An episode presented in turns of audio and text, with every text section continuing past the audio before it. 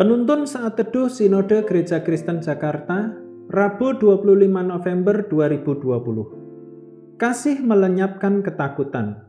1 Raja-Raja 19 ayat 1 sampai 3. Ketika Ahab memberitahukan kepada Isabel segala yang dilakukan Elia dan perihal Elia membunuh semua nabi itu dengan pedang, maka Isabel menyuruh seorang suruhan mengatakan kepada Elia, Beginilah kiranya para Allah menghukum aku, bahkan lebih lagi daripada itu, jika besok kira-kira pada waktu ini aku tidak membuat nyawamu sama seperti nyawa salah seorang dari mereka itu, maka takutlah ia, lalu bangkit dan pergi menyelamatkan nyawanya. Dan setelah sampai ke Berseba, yang termasuk wilayah Yehuda, ia meninggalkan bujangnya di sana. Pernahkah Anda merasa takut?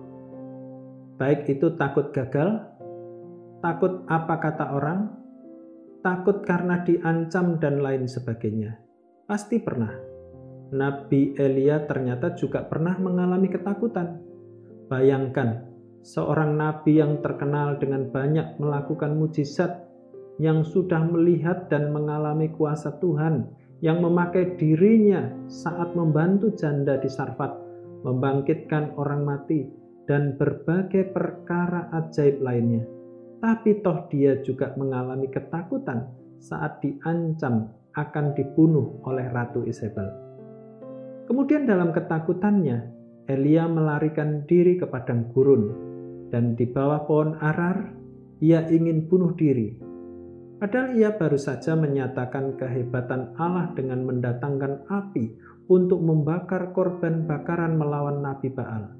Bahkan setelah itu Elia menyembelih para nabi Baal tersebut di sungai Kison. Di sini kita bisa melihat bahwa ketakutan dapat melumpuhkan seorang nabi seperti Elia. Melalui malaikat, Tuhan menyediakan makanan berupa roti bakar kepada Elia. Juga sebuah kendi berisi air dan istirahat yang cukup dengan bekal tersebut, ia mampu berjalan 40 hari 40 malam menuju Gunung Horeb, di mana Elia bertemu dengan Tuhan Allah. Di sana Tuhan berfirman dan memulihkan Elia, sehingga dapat kembali memenuhi tugas pelayanannya bersama tim yang diberikan Tuhan. Kita bisa melihat kasih yang sempurna dari Tuhan. Dalam ketakutan, ingatlah bahwa Allah peduli dan mengerti bahwa manusia adalah makhluk yang lemah, yang dapat menjadi takut, yang memiliki kebutuhan jasmani maupun rohani.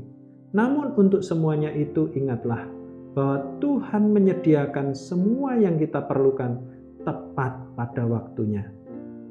Sekalipun aku berjalan dalam lembah kekelaman, aku tidak takut sebab kasihnya besertaku.